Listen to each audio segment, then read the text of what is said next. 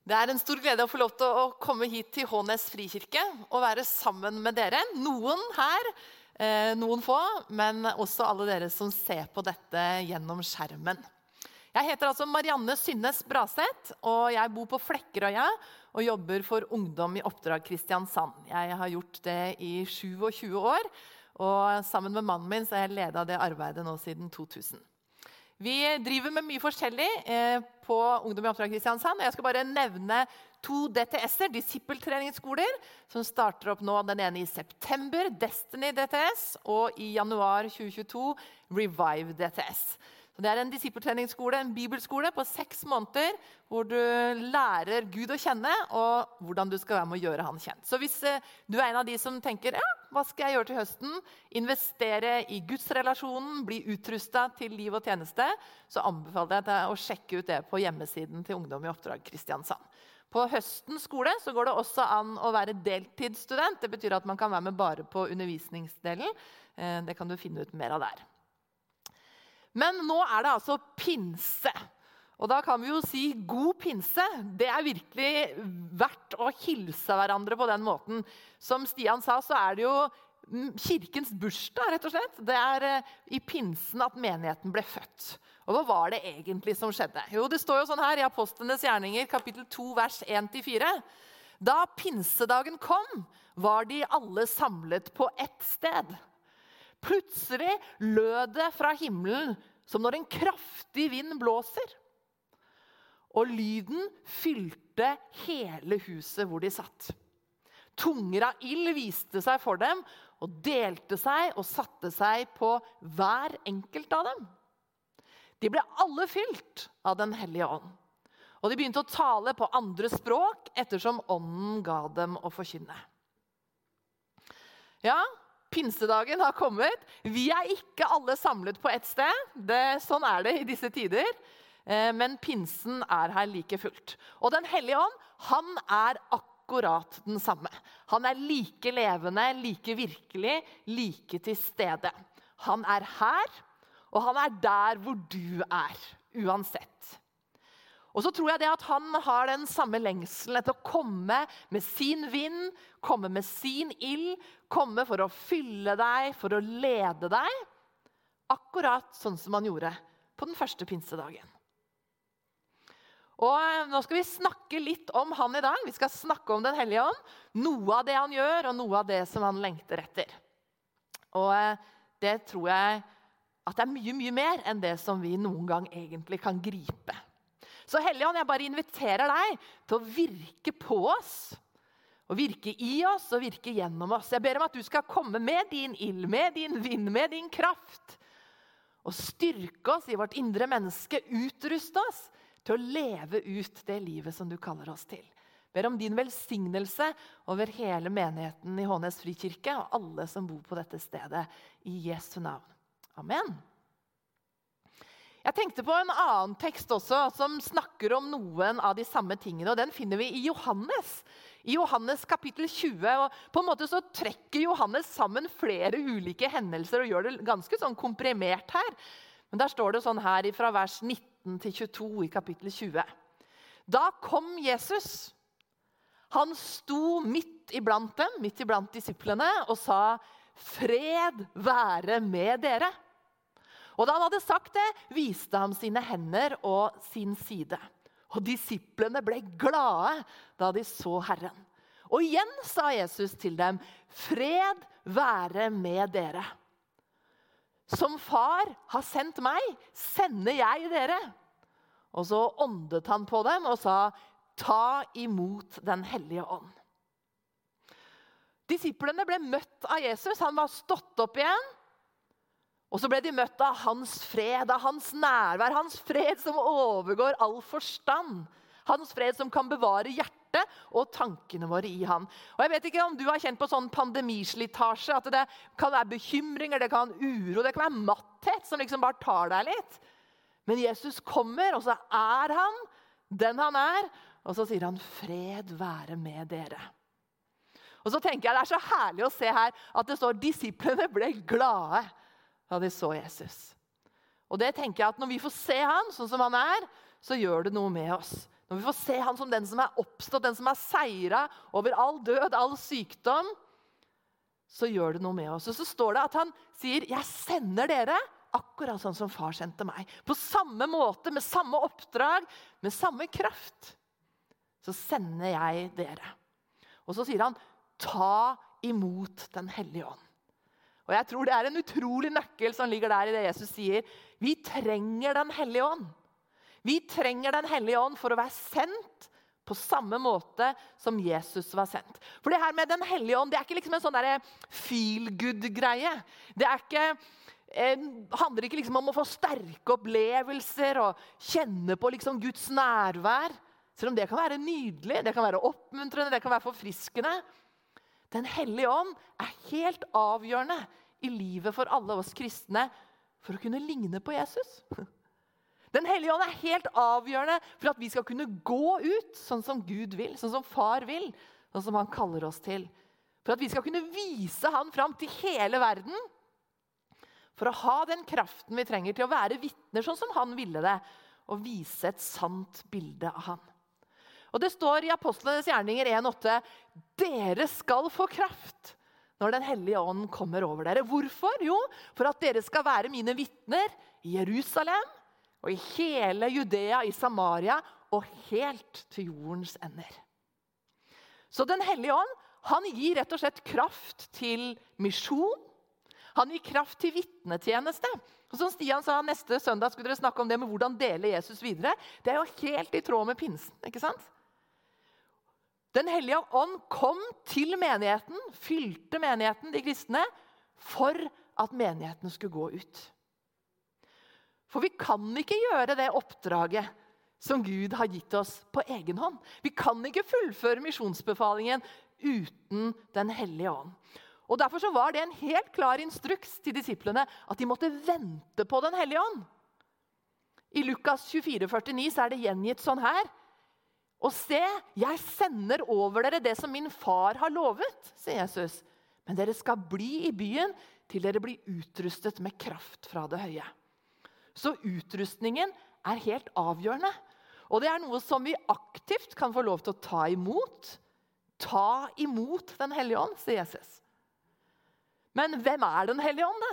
Og jeg er sikker på at vi som er her i dette rommet nå, og alle dere som ser på, vi har mange ulike tanker om Den hellige ånd.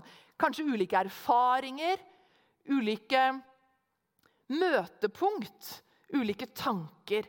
Hvem er egentlig Den hellige ånd? Jo, Den hellige ånd er jo Gud. ikke sant? Noen vil kanskje tenke sånn, jeg kjenner han ikke helt, han er litt mer diffus å få tak på. Men Den hellige ånd er Gud hos oss her og nå. Den hellige ånd er ikke liksom bare en ekstra ingrediens for spesielt interesserte, for de som har anlegg for det. Det er ikke noe vi liksom piffer opp kristenlivet med på litt sånn ekstra spennende konferanser eller på noen temamøter. Men faktum er, sånn som Bibelen sier til oss, at Den hellige ånd er han vi forholder oss til i hverdagen. Den hellige ånd er en hverdagshelt som er sammen med deg og meg hver eneste dag her og nå. Og noen ganger når jeg snakker med folk, så kan vi ha sånne tanker om at ja, Gud han er Faderen, han er den som troner i himmelen. Og Jesus han var han som levde på jorda, og nå har han tatt sete ved Guds høyre hånd. Men så er det jo Den hellige ånd som er her og nå sammen med oss. Og han er ikke skummel. Noen en ganger når jeg har snakket med folk, så er det, sånn, ja, det er mye lettere å forholde seg til Jesus. Jesus er liksom min beste venn. Han er god, han er snill, han tilgir meg. Og Gud far han er kanskje litt stor, skremmende, hellig. Og så snakker vi kanskje om at vi tar imot Jesus i hjertet. Og så kan vi gjøre Den hellige ånd litt mer diffus og litt mindre konkret. Men Den hellige ånd er en person. Og han er her. Han er Gud hos oss her og nå. Og Jeg pleier ofte når jeg snakker om Den hellige ånd, å forklare det med vann. Og vann er jo et av de symbolene som Bibelen bruker for Den hellige ånd. Og Her så har jeg vann. Flytende vann. Det kan jeg drikke. Det er forfriskende, det smaker godt. Men hvis jeg tar med det vannet her og setter det i fryseren, så tar det ikke så mange minutter før det vannet her er helt hardt, helt frossent. For det har blitt til is. sant? Men det er fortsatt vann. Det er bare frossent. Eller hvis jeg tar det samme vannet og heller det i en vannkoker, så tar det ikke mange sekunder før det vannet begynner å koke, og så stiger det opp som damp. Men det er fortsatt vann. Og jeg kan ta den isklumpen og legge her på bordet, og ganske raskt vil den bli til vann igjen. Flytende vann. Eller jeg kan avkjøle den dampen, og så kondenserer så blir det vanndråper igjen. Så uansett om vi har flytende vann, is eller damp, alt er vann, bare i forskjellig form. Og sånn På samme måte kan vi si om Gud Fader, Jesus og Den hellige ånd. Alle er Gud. De er én og samtidig tre. De har ulike uttrykk, ulike funksjoner, men det er én Gud. Det er et mysterium, og det er det som vi kaller treenigheten. At Gud er én og samtidig tre. Men Den hellige ånd han er altså en person. Og i Den hellige ånd så er alt det som Gud har, og det som Gud er, det er gitt til oss i Den hellige ånd. Og Jesus sa jo det til disiplene rett før han skulle dra opp til himmelen. så sa han det, 'Jeg skal ikke la dere bli igjen som foreldreløse barn. Jeg kommer til dere.' Så vi ser at Jesus identifiserer seg fullt og helt med Den hellige ånd. For de er tre og samtidig én. Så det er Jesus som kommer til oss sjøl med alt det han har, og alt det som han har. Så de samarbeider tett, for de er den samme. Og I Feserne 1,3 så står det Velsignet er Gud, vår Herre Jesu Kristi Far, altså Faderen, han som i Kristus har velsignet oss med all åndens velsignelse i himmelen. Så i Den hellige ånd så får vi full pakke. I Den hellige ånd så er all Guds velsignelse, all Guds visdom, all Guds nærvær Hele Han er til stede og gitt oss. Og Den hellige ånd er som en bekreftelse. Det er en bekreftelse på hva Gud har gitt oss, hva som er vårt. Og også en bekreftelse på hvem vi tilhører. Og I Efeserne 1, vers 13 og 14, så står det at i Jesus ble dere merket med seilet, Den hellige ånd, som var lovet oss. Han som er pantet på vår arv, inntil Guds eget folk blir satt fri til lov og pris for hans herlighet så står det at Den hellige ånd er som et seil som vi er merka med. Og Jeg har sett litt mer inn i det her. Hva var det her seilet? Hva er det de snakker om? Jo, seil det var et sånn eiermerke som ble gitt på samme måte egentlig som en underskrift. Og Hovedhensikten med et sånt seil det var å bekrefte hvem det var som hadde utstedt det her dokumentet. Hvem det var som på en måte bestemte over den eh, gjenstanden som ble forsegla, hvem som var opphavsmann. Og Det seilet det beviste at det var ekte, at det var gyldig. Det bestemte verdien. Og så står det at du og jeg, vi som tror på Jesus, vi som har tatt imot han, vi er merka med Den hellige ånd som et seil. Så Den hellige ånd bekrefter hvem som er din opphavsmann. Din beviser din ekthet, din gyldighet, og stadfester din verdi. Er ikke det nydelig? Og så står det at han også var pantet på vår arv. Hvis du har et pant, så betyr det at du har et bevis. Noe som du kan stille som sikkerhet for noe som er ditt. Du har det ikke fullt og helt enda, men du har et pant. Så du får noe allerede nå som er et synlig bevis på hva du senere fullt og helt skal holde i hendene. Så Den hellige ånd han garanterer oss på en måte for det som tilhører oss, og det som kommer fullt og helt uttrykt i evigheten når vi skal møte Gud ansikt til ansikt. Og Jeg er sikker på at du som en god nordmann har panta flasker. ikke sant? Du har vært i panteautomaten og stappa inn flasker. Og så får du en pantelapp. Og Den er et bevis for at du kan ta ut en verdi. Og så På panteautomatene så er det også sånn at du kan trykke på pantelotteriet. Jeg vet ikke om du har prøvd det noen gang. Og så er det sånn, Enten så vinner du, eller så taper du. Og så sier de du vinner jo uansett, for du gir til en god sak. er det ikke det de sier? Men det her pantet som Den hellige ånd gir oss, det er ikke som å spille i pantelotteriet. Det er ikke sånn at kanskje vinner du, eller kanskje risikerer du å stå igjen uten noen ting. Du har allerede fått det fulle livet i Gud, og så skal vi få se det komme mer og mer til sin rett.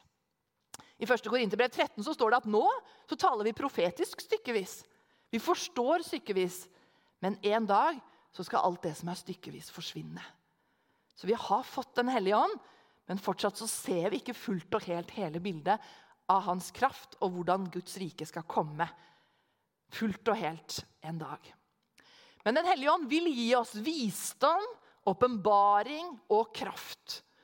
Og Jeg har vært litt i Efeserbrevet i det siste, og der sier Paulus egentlig utrolig mye kult om Den hellige ånd.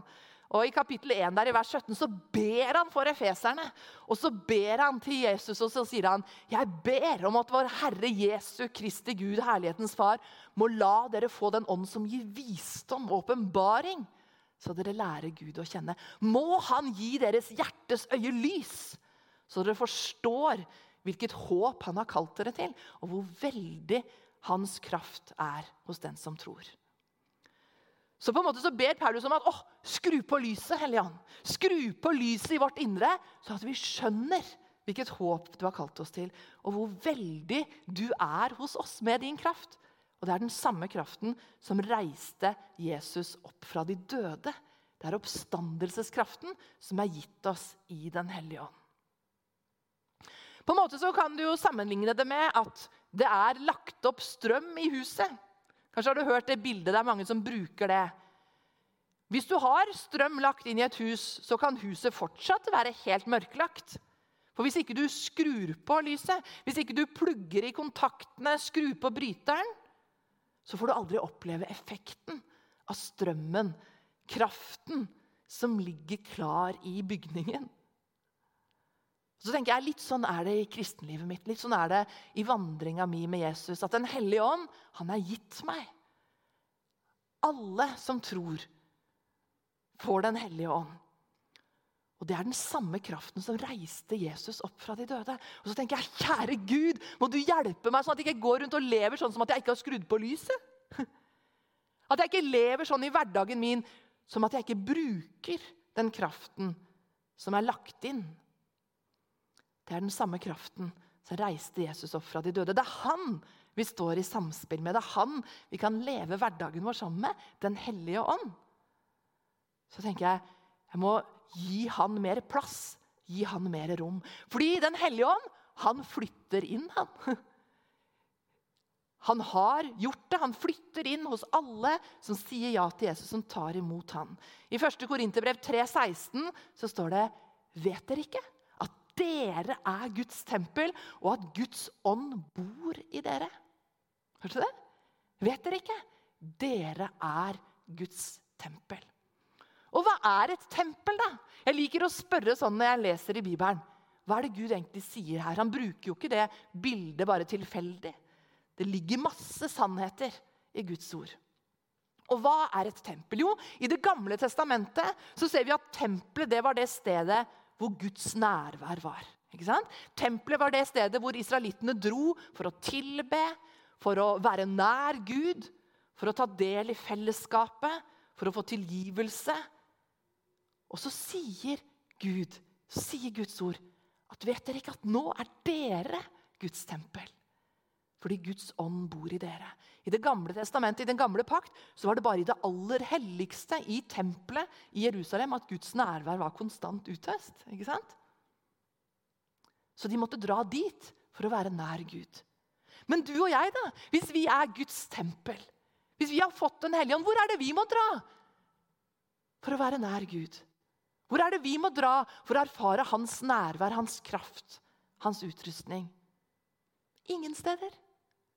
For han er her. Og det er jo de gode nyhetene fra pinse. At Guds ånd er utøst. Og Guds ånd fylte hver enkelt, leste vi fra Apostelens gjerninger 2. Så han er akkurat der jeg er. Han er akkurat der du er. Der jeg er, der går Guds rike fram. Der du er, der er Guds rike nær. Ja, Det er gode nyheter. altså, folkens. Det er kjempegode nyheter. Det forandrer hele perspektivet. For Guds rike er kommet nær ved Den hellige ånd. Han har tatt bolig i deg som tror. Så nær er han. Og det er ikke en følelse, men det er en sannhet. Det er ikke bare en erfaring, men det er et bibelsk prinsipp. Det er en bibelsk sannhet. At han har tatt bolig i deg som tror akkurat der du er, akkurat sånn som du har det. Han er ikke langt borte fra deg. For det er i deg Det er i Han du lever og rører deg og er til. Og han ønsker å styrke deg i ditt indre menneske. Han ønsker å fylle oss med hele Guds fylde, sånn at vi kan bli rotfesta og grunnfesta i Han.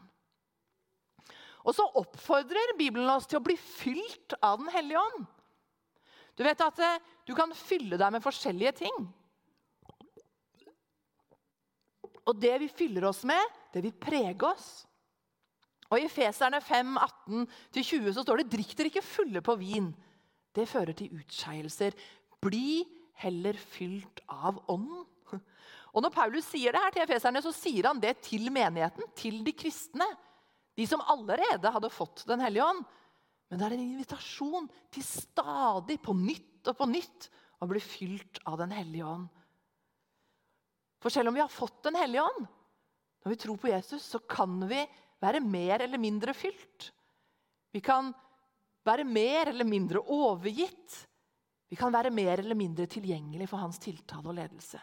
Det blir nesten som hvis du har en GPS i bilen din som kan være med å vise deg veien. Så hjelper det ikke å ha den i bilen hvis du ikke skrur den på. Det hjelper ikke deg til å finne veien hvis du ikke bruker den og følger instruksjonene som den gir. Og Den samme invitasjonen som ble gitt til menigheten, den er jo gitt til oss også. ikke sant? I dag. Jesus sier, 'Ta imot Den hellige ånd. Bli fylt av Ånden'. Da tenker jeg Det handler jo det om å slippe han til. ikke sant? Å inkludere han. Hvordan ser det ut å slippe til Den hellige ånd? Det, det kan være mange ulike ting. Sønnen min han er elektriker. Han eh, tok fagprøven eh, like før jul. Han jobber som elektriker nå. Og, nå er jo jeg inhabil, altså, men han gjør en god jobb. Han er veldig flink. Eh, og hvis jeg liksom skal ha fiksa noe hjemme, så kan jeg godt bare stå i det og prøve å finne ut av det sjøl. Jeg er ikke så innmari teknisk av meg og ikke så kjempeflink med verktøy. og sånn. Men jeg kan godt prøve å knote med bruksanvisninger og innretninger som jeg ikke helt forstår. Kanskje jeg kan få hengt opp en lampe, men virker den sånn som den skal? Ja, jeg vet ikke. Eller så kan jeg be sønnen min om å gjøre det. Fordi han har kompetanse, han har verktøy, han har en bil full av verktøy. Jeg kan be han om å hjelpe meg å holde noen ting og så prøve å gjøre det sjøl. Eller så kan jeg bare la han gjøre jobben. Og så prøve å lære av han og være med på det som han gjør. Og Hvis jeg skulle ha prøvd å liksom, utvide sikringsskapet eller sette opp en elbillader, så hadde det jo ikke funka, fordi jeg kan det ikke. Det er utenfor min kompetanse. Og Sånn tenker jeg, sånn er det i livet vårt. og Vi kan prøve å finne ut av ting bare i vår egen styrke, i vår egen kraft. Eller så kan vi slippe til Den hellige ånds kraft. Vi kan slippe til han hjelp, hans hjelp. Han som har alle redskapene, alle ressursene som trengs. Han som vil være både den som går i forbønn for oss, det står det at Den hellige ånd går i forbønn for oss med, med sukk som ikke kan uttrykkes i ord. Han som gir oss sitt ord som sverd. Guds ord er åndens sverd. Han som vil virke i oss og gjennom oss, han som gransker hjertene. Den hellige ånd gjør så utrolig mange ting. Og Vi skal ikke tid til å snakke om alt det i dag, men hvis du bare ser her sånn, hva gjør han egentlig? Og Dette er bare noen av de tingene som Den hellige ånd gjør. Jo, han er vår talsmann vår advokat, vår hjelper. Han er den som veileder oss til sannhet, for han er sannhet. Han kjenner all sannhet. Han er den som kan overbevise oss om synd, om hva som er rett og galt. Han er den som skaper frihet, for der Guds ånd er, der er det frihet. Han er den som herliggjør Jesus, som setter lyskasteren på Jesus og gjør Jesus stor for oss. Og vi blir glad i Jesus. Og så vil han forme oss mer og mer lik sitt eget bilde. Gjøre oss mer og mer lik Jesus. Og så gir han oss kraft til å vitne. Han sender oss ut. Og jeg kjenner i hvert fall at jeg blir utfordra av mange av disse tingene her. Jeg har potensial for vekst i livet mitt. Og det skulle ikke forundre meg om ikke det gjelder deg også. Om ikke det gjelder hver enkelt av oss, hvis vi er ærlige med oss sjøl og med hverandre. Så det spørsmålet som jeg har lyst til å stille til dere i Hånes frikirke i dag, det er på hvilket område utfordrer Den hellige ånd deg til å slippe han mer til? Han som lengter etter å fylle deg og være nær deg. Og midt i en pandemi hvor vi har blitt på en måte fått høre om og om igjen at vi må holde avstand, vi må ta hensyn, så trenger du ikke å holde avstand til han. Han ønsker å komme nær og fylle deg opp fullt og helt. Han lengter etter å få skru på lyset i ditt indre, sånn at du kan se Jesus enda klarere. Han lengter etter å fylle deg med sin kraft og sende deg ut med sin utrustning, fordi han gir deg sin fred. Så far, jeg takker deg for at du sendte din Hellige Ånd. Takk at det er du som kommer til oss, far. Med all din kraft, med all din fylde. Og i dag så ber vi om på nytt at du skal fylle oss opp, Herre. Vi trenger deg hver dag, Hellige Ånd, i våre liv. Og vi ber om at du bare skal øse ut av din ånd. Vi lengter etter mer av deg. Og jeg ber for hver eneste person i Hånes frikirke. At de skal få vokse i kjennskap og nærhet til deg, Hellige Ånd, og at du skal lede dem. At de skal være sendt ut akkurat som du var sendt ut, Jesus. At de skal gå med kraft og frimodighet. Det ber jeg om i Jesu navn. Og så tror jeg Gud sier sånn her Ta imot min navn. Ta imot min navn. La meg fylle deg. La meg røre deg med liv og kraft og helse. La meg fylle deg, åpne opp ditt hjerte. Jeg er alt du trenger. Jeg er nær hos deg. La meg fylle alt i deg. La meg fylle alt i deg.